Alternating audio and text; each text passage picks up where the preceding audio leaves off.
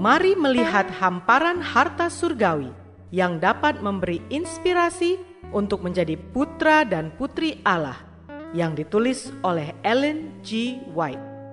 Melalui renungan pagi ini, kita akan mempelajari nasihat yang menguatkan dan memberi semangat untuk memperbaiki karakter kita. Bersama Mana Multimedia Ministry, selamat mendengarkan.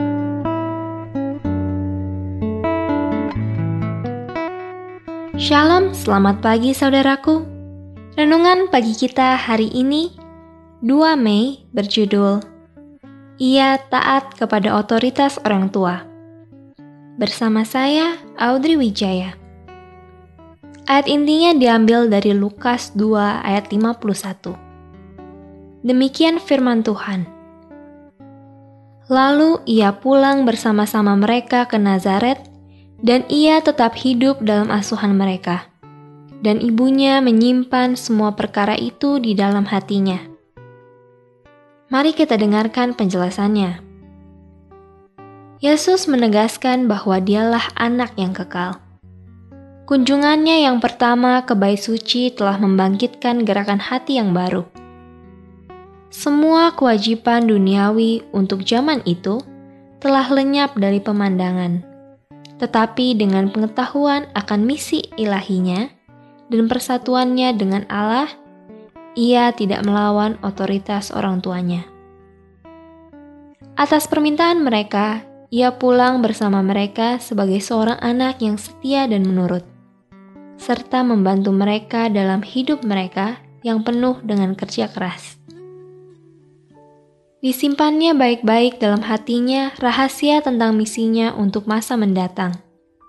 Menunggu dengan taat hingga periode pelayanannya untuk umum kelak, mulai sebelum memberitahukan kepada dunia bahwa dialah Mesias itu. Ia taat kepada pengendalian orang tua 18 tahun lamanya setelah ia mengaku bahwa ia adalah anak Allah dan menghidupkan kehidupan sederhana dan biasa sebagai orang Galilea, bekerja dalam pertukangan kayu. 30 tahun lamanya ia taat kepada pengendalian orang tua. Biasalah bagi anak-anak, meskipun dari orang tua Kristen, kalau sudah berusia lebih dari 12 tahun, merasa bahwa mereka mesti dibolehkan mengikuti keinginan mereka sendiri. Dan orang tua mau dipimpin oleh anak-anak mereka, gantinya memimpin anak-anak itu.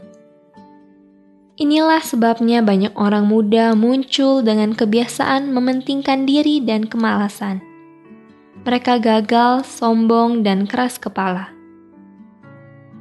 kalau kita memandang kepada penyangkalan dirinya yang sabar, penyingkirannya dari segala kemasyuran, pengabdiannya kepada pekerjaannya sehari-hari dalam lingkungan yang hina, alangkah eloknya terang yang dipancarkannya tentang hidupnya. Alangkah jelasnya ditunjukkan jalan di mana anak-anak dan orang muda harus berjalan. Yesus tidak kurang sebagai anak Allah dalam rumah tangganya yang hina itu. Dalam ketaatannya kepada orang tuanya, daripada ketika Allah berfirman dari tahtanya yang kekal itu, katanya, Inilah anakku yang kekasih.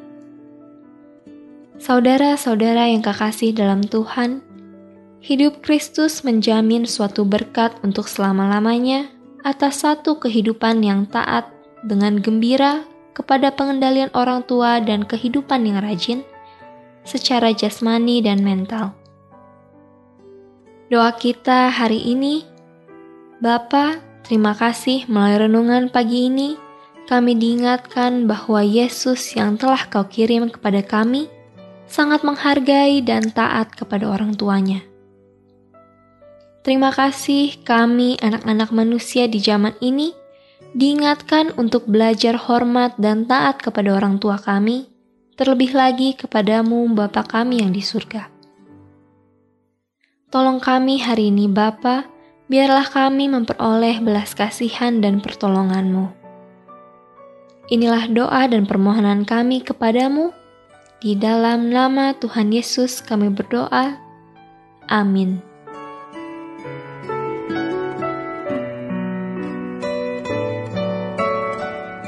Demikianlah tadi pembahasan tentang menjadi putra dan putri Allah. Semoga firman Tuhan hari ini menjadi berkat bagi Anda. Sampai jumpa, Tuhan memberkati.